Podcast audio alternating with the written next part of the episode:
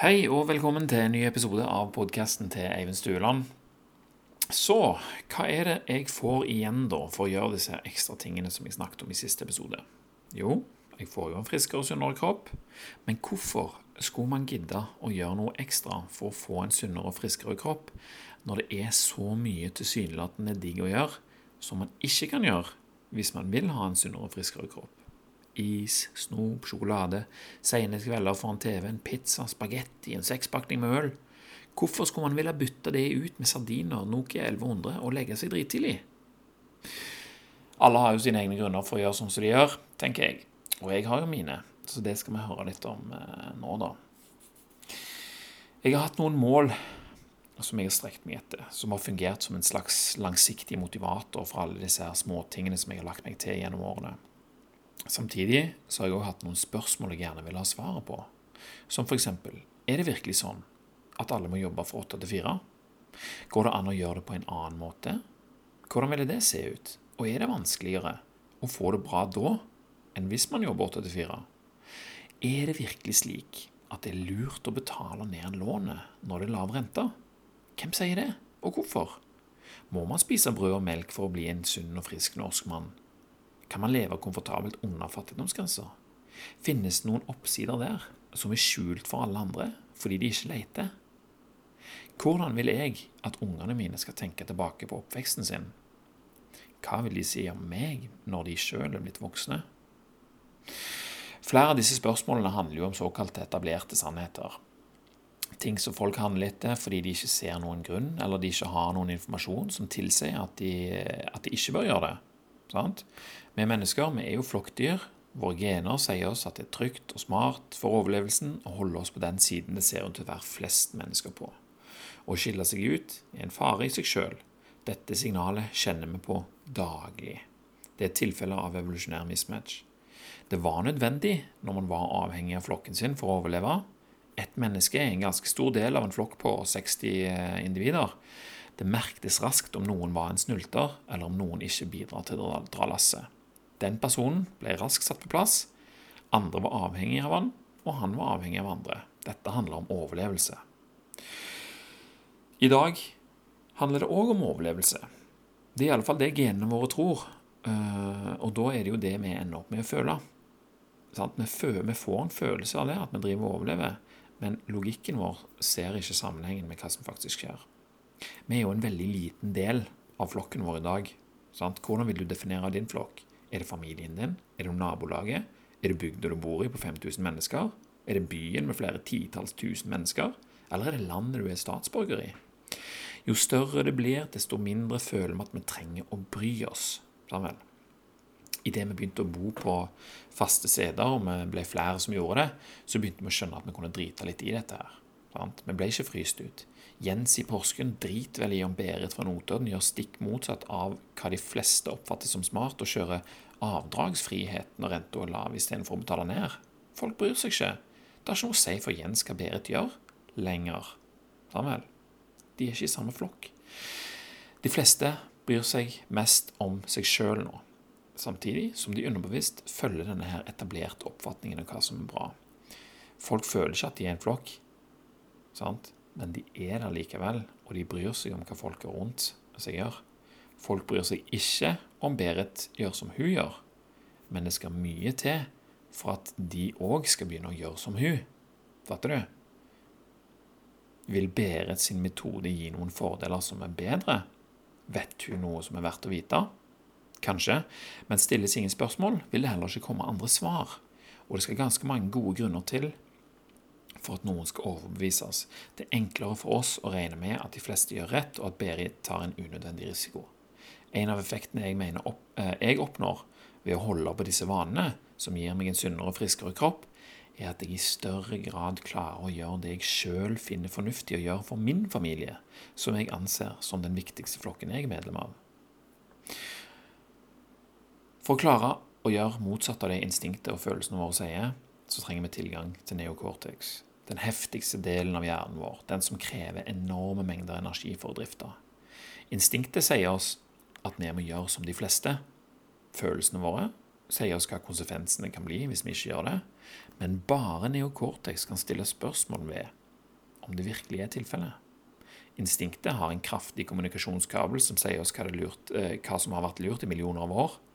Følelsene har en like kraftig kabel som sier oss hvor, hvorfor dette gjelder oss, og hva som vil skje i vårt spesifikke tilfelle.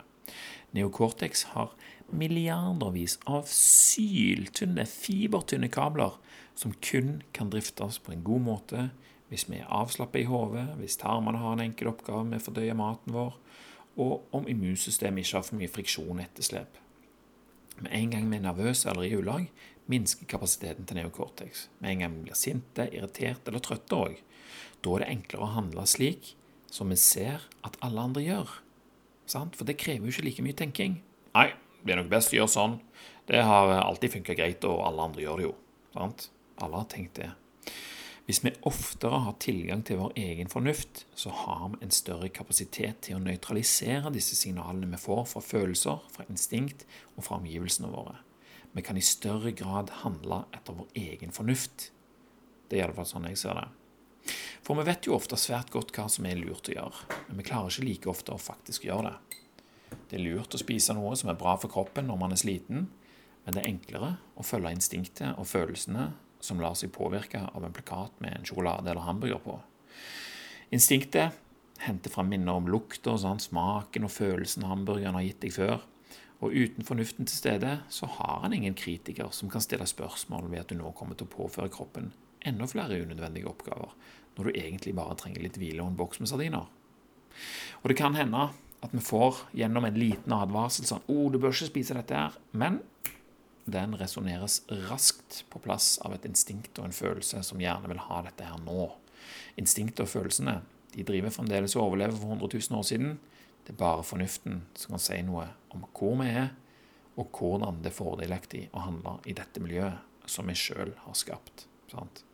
Der som er utvikla, det er skapt av naturen. Der funker instinkt og følelser. Her, i det moderne samfunnet, det har vi skapt. Dermed så må vi bruke fornuften til å navigere det. Ok. Eh, dette her er jo kanskje ikke et sånn et kort eh, og godt svar på hva jeg får av å gjøre sånn som jeg gjør, men jeg håper det kan danne et lite bilde av hva effekten av en sunnere og friskere kopp kan bli. Eh, for jeg mener at kroppen og hodet mitt klarer å gjøre helt andre ting når de er sunne og friske, enn når de er preget av høy friksjon og har etterslep å ta seg av. Jeg har fortalt noe av dette her før, men jeg kommer til å gjøre det igjen nå. i denne episoden. Jeg skal bare drikke litt vann først. Oi sann. Skal vi se. Eh, jeg vil gjerne vise et eksempel på hvordan disse her småvanene og endringene som mange ser på som kjedelige å etablere og, å, å holde på, hvordan de over flere år kan gi ganske store resultater som plutselig gjør det vel verdt å gjøre. Sant? Jeg visste jo ikke det da når jeg begynte, men jeg er jaggu glad for at jeg hadde kapasitet, og at jeg hadde tro til å følge dette her opp over så lang tid. Til å hente meg inn igjen når det sklei ut, liksom, og, og, sånn. Jeg har gått fra, rett og slett fra å være fattigmann til en ganske behagelig livssituasjon nå, uh, nå i løpet av de siste fire årene. Det krevde mye innsats og slit, men det var ikke kjedelig, og det var heller ikke tungt. Det var fornøyelig, rett og slett. Jeg føler ikke at jeg har nekta verken meg sjøl eller familien noe som kunne bedre livssituasjonen vår. Overskuddet som denne strategien har bygd, derimot, er jeg helt sikker på at vil gi oss muligheter og opplevelser som overgår det vi ellers hadde måttet ta til takke med. Og alt dette her begynner med en frisk og sunn kropp det er lett å bruke, som har en hjerne uten friksjon, som drifter en fornuft som er klar for å sjøl sortere og utforske i alle muligheter og begrensninger som fins i denne moderne verden som vi lever i, uten at det som ser ut til å være unormalt, det som ser ut til å være normalt, på noen måte skal begrense hva vi sjøl har lyst til. Sant? Bare fordi at noen andre gjør noe, så betyr ikke det at vi kan gjøre noe annet. At vi ikke kan gjøre noe annet. Det er vanskelig å se for seg hvor det begynte, dette her, men jeg opplevde på et tidspunkt at noe jeg sjøl tenkte var lurt å gjøre, som ingen andre så ut til å mene var særlig lurt, faktisk ga meg resultater som disse andre menneskene endte med å misunne meg for i ettertid. Og Jeg ble ganske overrasket over dette her. Jeg hadde ikke tenkt at det skulle slå ut på den måten. Jeg hadde egentlig tenkt at jeg skulle slå meg til ro med en økonomisk standard som var mye lavere enn ellers, og at jeg dermed fikk resultater og verdier som jeg sjøl måtte jobbe for å gjøre synlige for meg sjøl. Liksom, at jeg måtte liksom Jeg har ikke det, men jeg har dette som gjør at jeg lever ganske fornøyd allikevel. Sant? Det var liksom der jeg hadde slått meg til ro. Men når jeg opplevde denne overraskelsen av at mange så ut å ville ha det sånn som jeg hadde det, så fikk jeg mer selvtillit pga. det. Nok til å prøve ut andre ting som jeg tenkte var lurt. Sant? Det fortsatte litt på den eh, banen der. Sånn så Like etter vi fikk unger, så gikk jo mye av fokuset vårt på å tenke hva som var bra for barn. sant vel? Alle som er foreldre, vet jo det, at eh, da går fokus på det. Og jeg hørte jo alle snakke om at det å tilbringe tid med barna, det var veldig, veldig viktig. Alle sa det, men det var jo ikke en kjeft som gjorde noe med det. Hva var greia med det, liksom, tenkte jeg. Alle ser ut til å vite hva som er lurt, og hva som gir mening, men likevel går de på jobb, selv om de ikke trenger alle de pengene de får for den jobben. Hvordan henger dette her sammen? Uh, og når vi skulle flytte til Sauda, så var jo alle helt i sjokk når vi sa opp jobbene våre og flytta dit uten å ha fått nye. Selv om de sjøl sa at penger ikke var så viktig, så så jeg jo at jobbene deres ofte bandt de til den plassen de bodde på, og samtidig begrensa mulighetene deres. Sant? De måtte bo en plass der det var dyrt å bo. Derfor måtte de jobbe, og derfor kunne de ikke ha fri. Så da er du liksom inne i det der hamsterhjulet, eller hva du skal kalle det. Eh, og så fikk jo alle selvfølgelig sjokk når de hørte om hvor lite penger vi hadde. Hvordan gikk det an? Noen lurte til og med på om det var forsvarlig sant? når vi hadde små barn. Vi burde jo passe oss for barnevernet, var det noen som sa. Samtidig som de så sine egne barn bare noen timer til dagen. Hva i all verden? Dette her er sånne typiske ting som du må forholde deg til når du beveger deg ut forbi det som er normalt. Og denne perioden var for meg en tid med mange spørsmål om det etablerte. Og jeg har en eh, Jeg er til tider ganske naiv. Det er positivt av og til, negativt andre ganger. Men jeg tar i alle fall ofte utgangspunkt i, uten at jeg sjøl vet det, at alle andre vet det samme som meg, og at de er like gamle som meg. Det er bare sånn jeg har tenkt at fager, hvorfor det, er sånn jeg har eh, opplevd meg sjøl i ettertid, når jeg har tenkt, tenkt over liksom, hvorfor jeg gjorde ting, eller hvorfor jeg sa noe sånn til den personen, eller hvorfor jeg, hvorfor jeg forventa noe av en annen person. Så når noen da sa og gjorde noe annet enn det de sjøl mente var riktig, så ble jeg veldig overrasket over det. Hvorfor gjør du sånn når du mener noe annet? Og så ble jeg litt usikker. Er det, er det noe jeg har gått glipp av her? Ser de noe som jeg ikke ser? Og hvorfor gjør de ikke som de sjøl sier at de vil? Dette måtte jeg finne ut av. Og Desto mer jeg fant ut, jo klarere ble det for meg at jeg var i bedre stand enn flere andre til å oftere handle etter teorier og oppfatninger som jeg sjøl mente var fornuftige. Og jeg fant videre ut at jeg kunne gå eh, generelle oppfatninger i samfunnet etter i sømmene og finne ut hvor de ga mening, og hvor de ga friksjon. Og så utvikla jeg måter å tenke på som gjorde at jeg kom meg forbi denne effekten av flokkmentalitet. Om, no, om, om, jeg gjorde noe unormalt som andre folk tenkte at var gale, men som jeg sjøl hadde funnet ut var bra, så hadde jeg liksom sjøltillit til å holde på det. Jeg var friere til å ta egne valg via denne her omveien, om vi skal kalle det det. Og resultater jeg ønsker meg, de kom jo da stadig oftere. Uh, samtidig som jeg merker at i perioder der kosthold og søvn og andre ting, andre ting var, var sklidd litt ut, så kom de jo seinere, eh, sjeldnere. Jeg fikk isteden tilbake disse her små depresjonene som pleide å få hver eneste høst. og Da var det jo liten kapasitet til å omgå de kraftige signalene fra instinkt og følelser. sant?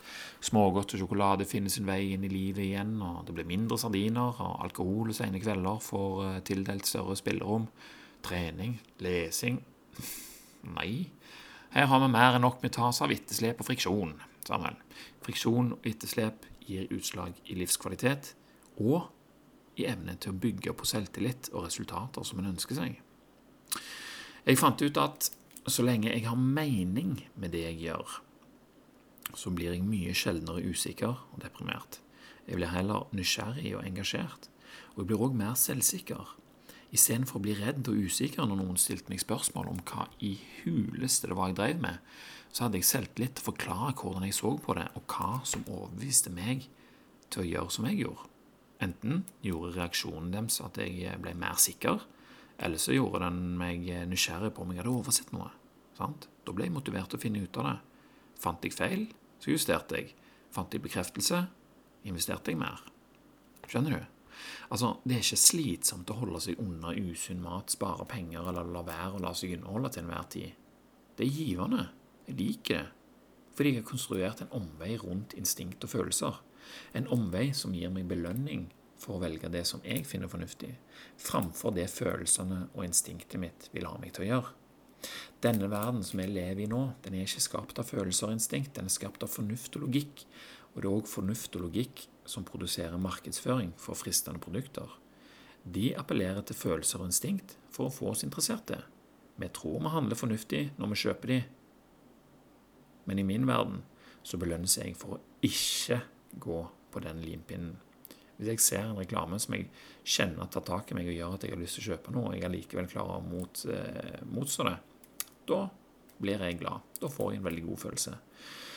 Det var jo veldig nødvendig å tenke sånn når vi ikke hadde penger å bruke på sånne ting. Men nå er det en fordel, nå når jeg har penger, men velger å bruke dem på det jeg sjøl mener er mer fornuftig, og som jeg tror vil gi en seinere større glede enn å slå til på et fristende tilbud nå eh, når jeg har lyst på noe. Ok, alt vel. Meg og familien lever ikke i fattigdom lenger, men vi har heller ikke gått så mye opp i forbruk på de fire årene siden denne epoken var over.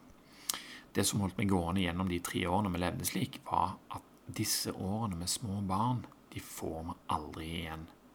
Aldri. Én sjanse, Samuel, og alle snakker om det. Penger er det overalt, de kan du alltids finne en annen gang. Jeg hadde ikke funnet de til nå, men jeg tenkte likevel at det var nok til de som ønsker å finne de. Det kunne jeg ikke si om barnas barndom. sant? Folk advarte om pensjon og hva hvis renteheving og bla, bla, bla. bla, bla. Men skal vi la slike potensielle scenarioer styre hvordan vi lever hver eneste dag? Hvis jeg hadde gjort det, så hadde jeg jo tatt meg en åtte til fire-jobb. Og siden jeg ikke gjorde det, så lever jeg sånn som jeg gjør nå, og jeg har det veldig bra. Jeg tenkte ikke på pensjon fordi jeg ikke regna med at jeg skulle ha noen pensjon. Jeg var innforstått med å ordne meg sjøl. Jeg leste og lærte mye om økonomi og hvordan jeg skulle gi så gode svar på det pensjonsspørsmålet at det var de som spurte, som ble usikre.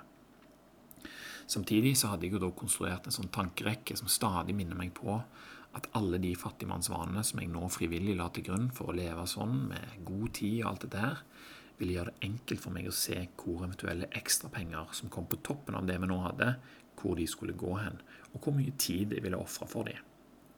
I mellomtiden så brukte jeg den ekstra tiden jeg hadde på å lære meg ting, tenke på ting, utvikle en slags jeg utvikla en slags sånn forførende fascinasjon over mulighetene som skjulte seg i denne her frivillige, begrensa økonomiske tilstanden. Ingen skjønte hva vi drev med, men på et eller annet vis så hadde jeg sjøltillit til å tenke at eh, vi var inne på noe. Så jeg jobba jo som badevakt, 36% stilling, kona mi 60 i barnehage, og det dekka omtrent på prikken de faste utgiftene. Hvis vi skulle ha noe mer, så jobba jeg med andre ting. Personlig trener litt her og der, slakta noen sauer om høsten og måka noe snø om vinteren. Jeg lærte meg veldig mange ting. Blant annet så brukte jeg litt av løstida mi på å bygge et stort drivhus av materialer som jeg fikk, og vinduer som jeg henta på tippen og sånn. Så der begynte vi å dyrke mat. sant? Eh, samtidig som jeg tenkte at det ville lære meg litt om snekring, sånn at jeg en dag kunne gå løs på kledningen og vinduene på huset vårt, som var overmodent for en oppgradering. Det eneste jeg kjøpte i denne perioden her, det var camperen og flybilletter til meg rask for å hente den i Mo i Rana. Det kosta 50 000 totalt, eh, så det røyk en stor eh, del av sparepengene. Det tok lang tid å spare opp til det, men det var så enormt verdt det. Og altså, Det er det samme som jeg skulle spart til noe som koster 500 000 nå, sammen, eh, på en måte. Men det var så sykt verdt. altså Turen for å hente den var jo helt magisk, og, og, viste, og, og det viste meg at jeg kunne gjøre sånne ting. Og det visste jo Ask òg. Og nå, seks, senere, drar, seks år senere, så drar vi fremdeles på ferie i den bilen. Den har lært meg hvordan motorer virker, hva som ødelegger de, og hva som må til for å fikse de. Jeg visste det ikke da, men alt dette her ville ha sine fordeler å ha brukt tid på etter hvert. Så en kveld da, mens jeg satt i badstua etter jobb, eh, så fikk jeg en melding. Og Da var det en gammel kjenning av meg som trente hos meg på CrossFit Haugesund. Han spurte om jeg ville ha jobb. Hmm. Denne jobben ville ta meg vekk fra familien ti og et kvart døgn i måneden. Men samtidig så ville jeg være helt tilgjengelig de andre 20 døgnene. Hmm. Lønna ville stige med 150% fra det jeg hadde nå. Hmm. Vi prata vel og lenge om dette her hjemme. vi var jo godt vant med den tiden som jeg hadde hjemme. Sånn. Vi var blitt bortskjemte med at jeg alltid var der. sant? Uh, og det var ikke så lett å gi vekk. Uh, samtidig så var jo dette en veldig godt tilbud. Og etter mye om og men så takket jeg ja da til den jobben. Vi hadde allerede snakket om at vi ville ta med ungene på en lang tur en gang i fremtida. Men da måtte vi jo egentlig finne noen penger etter hvert. sant? Hvis ikke, hvis ikke så ville dette bli med snakket. Og vi tenkte på at huset var kaldt og gammelt. Kan vi klare å forene alt dette her og lage én god pakke av det? Sant? Og da vi var enige om å prøve, så gjorde jeg en pakt med meg sjøl. Så lenge jeg er på jobb, skal jeg ikke se på TV, og jeg skal ikke spille noe. Jeg skal lese og skrive når det er dødtid. Jeg skal komme hjem bedre enn jeg var når jeg drog, hver eneste gang. Jeg fikk jo lest mye og skrevet mye på jobb og tenkt mye òg. Og når jeg var hjemme, så kunne jeg være helt fri til å gjøre det som jeg ville. Før så kunne jeg være fornøyd med å sette inn en tusenlapp her og der i indeksfondet, mens nå kunne det gå liksom 10 000 inn hver måned. Uh, og vi begynte å prate mer om denne her turen som vi skulle på. Hvis vi virkelig skulle gjøre det, så måtte vi nesten sette en dato. Og dette her med den turen, det skulle bli en stor underliggende motivasjon for meg til å gjøre ting som var bra for oss generelt, sant? enten vi skulle vært på tur eller ikke, men som òg skulle bygge opp om at dette her skulle ordne seg på et vis. Sant? At det skulle skje. Jeg trengte definitivt en sunn og frisk kropp med en funksjonell hjerne for at dette skulle gå seg til. Tanken var for så vidt enkel.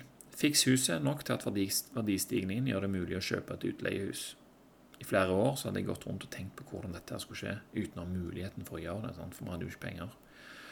Og på den tida så rakk jeg å tenke veldig mye, undersøke mye, prate med folk, høre om ditt, høre om datt, hva for noe materiale var bra, hva for noen vinduer. Eh, og etter ett år med ny jobb så hadde jeg spart nok penger til å sette i gang. Jeg tror jeg har fortalt deler av denne historien flere ganger, men eh, her kommer en liten repetisjon for det. Jeg kjøpte altså en tilhenger og et stillas, og så fikk jeg hele huset blåseisolert med trefiber etter jeg hadde revet kledningen. Dødsnice. Det ble jo helt varmt med en gang, og det er jo trefiber, sant? så det er jo Ja, du kan lese deg opp på det. Husk å isolere ditt eget hus. Det anbefales. Og så bestilte jeg kledning i kjerneved fra 150 år gammel norsk furu, og det likte jeg. Ferdig impregnert fra naturen. Sant? Ikke kokt i noe olje. Sant? Og ikke ikke noe behandlingsgreier. Dette her havner rett og slett i samme kategori som sardiner, egentlig. For her er det så lite friksjon. Lite ekstra energi går med til å levere disse plankene til meg. Og når jeg først har fått de montert, så er jobben ferdig. Dette er bare trær av god, gammel kvalitet som er sagd ned, delt opp og tørka. De trenger ikke maling eller annen behandling noensinne. Greit nok, de var 70% dyrere, men mye billigere enn å male det to-tre ganger rett etter jeg har skrudd det fast, og så hvert tiende år etter det. Naboen grua seg så mye til å beise om to år at hun bare gjorde det i år istedenfor. Dette her ble en no-brainer.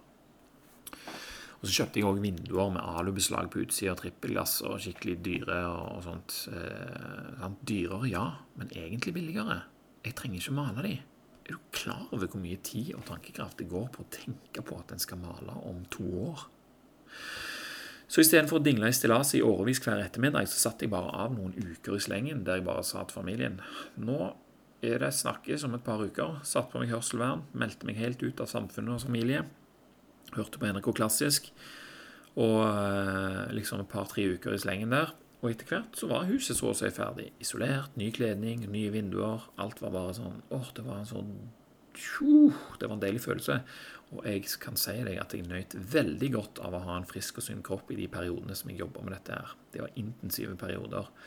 Og hele tiden så brukte jeg dødtiden på jobb til å planlegge og organisere, i tillegg til å lese og skrive og lage podkast-episoder som jeg spilte inn på vei hjem. Det var en veldig fin rytme.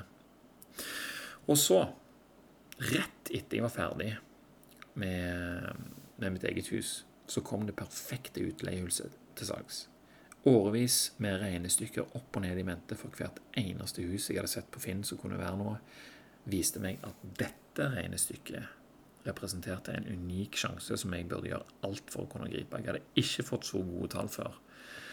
Så jeg var egentlig ikke helt klar til å kjøpe det sånn finansielt sett, men med en superintens innsats på tampen der, som aldri ville vært mulig uten all den tenkinga og planlegginga som jeg allerede hadde utført, gjorde at vi et par dager senere eide dette huset.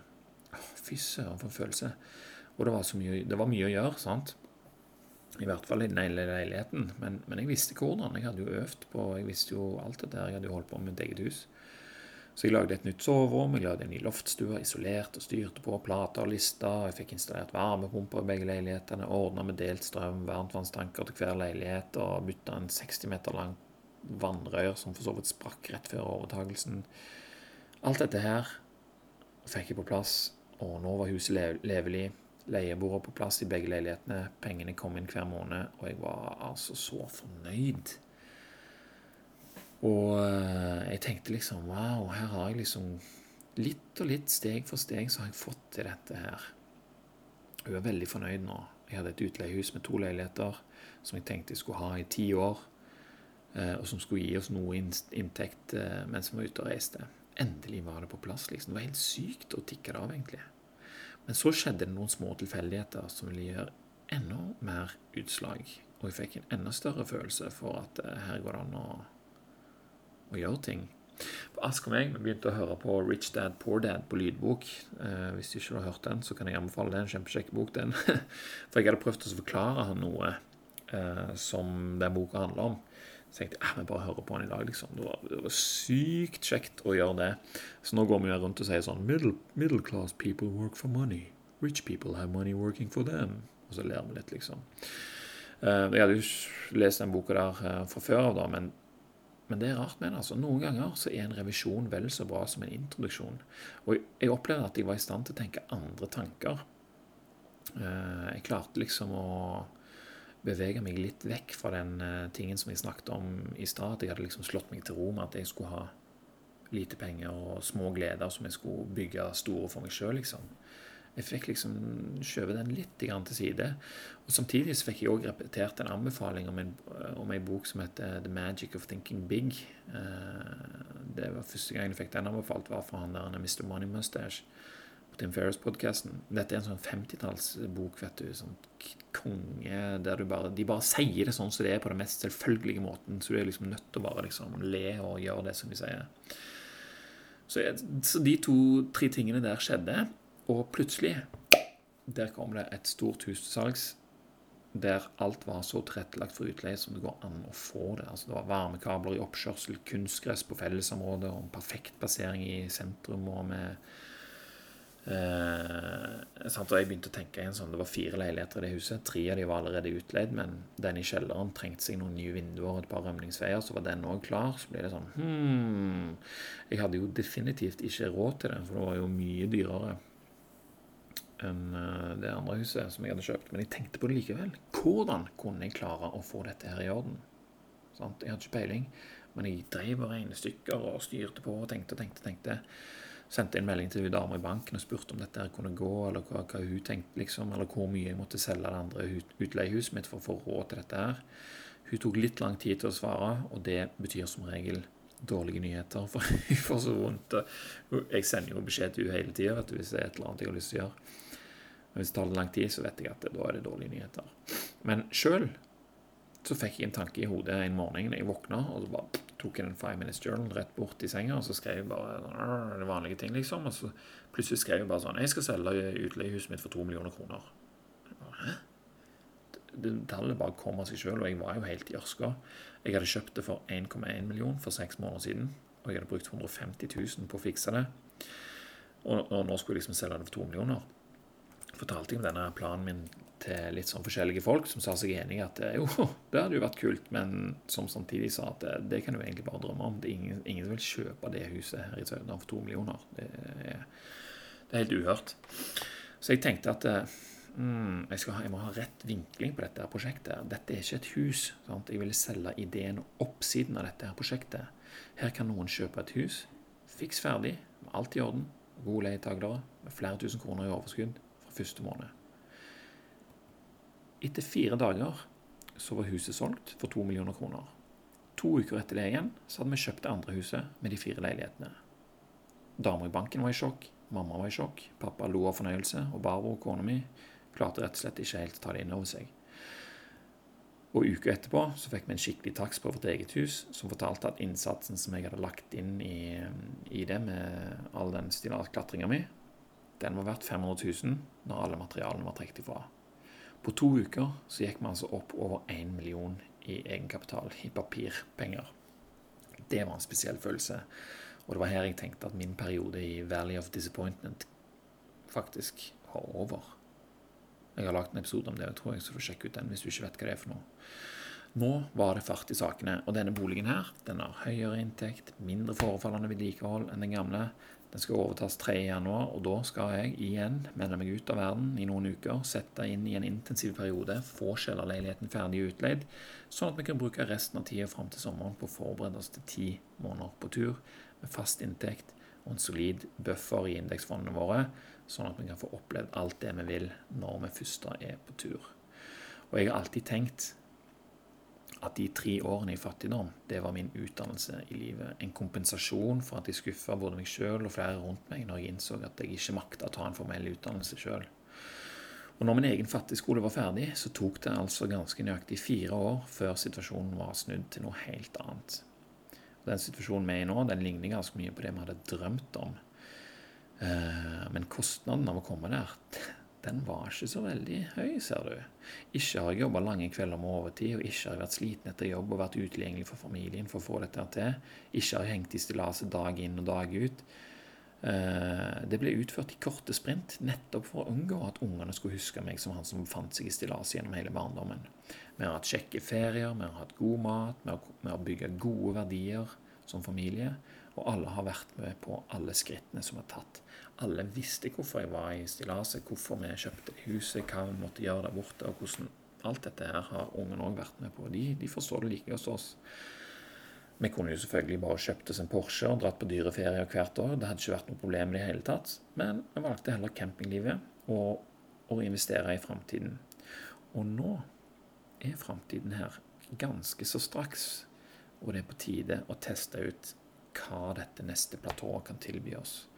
Og jeg er jo hellig overbevist om at min streben etter å ha en frisk og sunn kropp med en effektiv og løsningsorientert hjerne har hatt alt å si for hvordan dette her har gått seg til.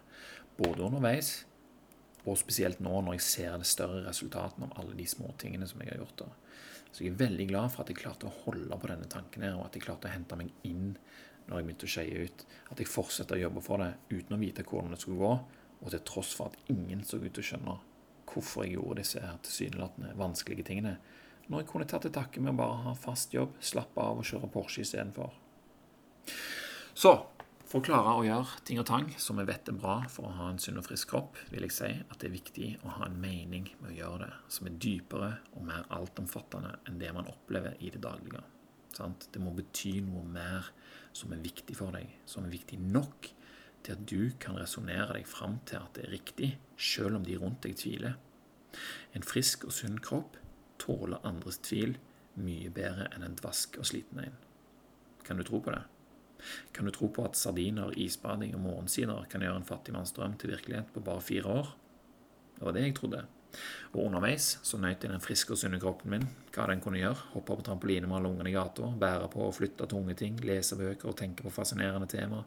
Skrive om de og prate om de her på podkasten. Jeg hadde ikke tapt uansett hvordan du vrir og vender på dette. her. Jeg får mer enn hva jeg forventer hver eneste gang. Så hva er din ting som skal motivere deg? Hva er din sardinboks? Hva er din pensjonsinvestering? Hva skal gjøre det selvfølgelig for deg å holde kroppen din sunn og frisk uten friksjon og etterslep? Det blir ditt spørsmål. Og En annen del av drømmen min det er å kunne bruke mer tid på å lage sånne podkast-episoder som dette her. Vil du bidra til at det kommer flere episoder, og at de fortsetter å være gratis for alle som vil høre på, så kan du vippse et valgfritt beløp til 40 55 07 37. Tusen takk. Og send meg gjerne en mail til eivenettpodkasten.no hvis du lurer på noe eller har ønsker om et tema som jeg kan skrive noe om. Takk for nå. Takk for meg, og takk til deg som hørte på. Og god jul, da. Snakkes snart.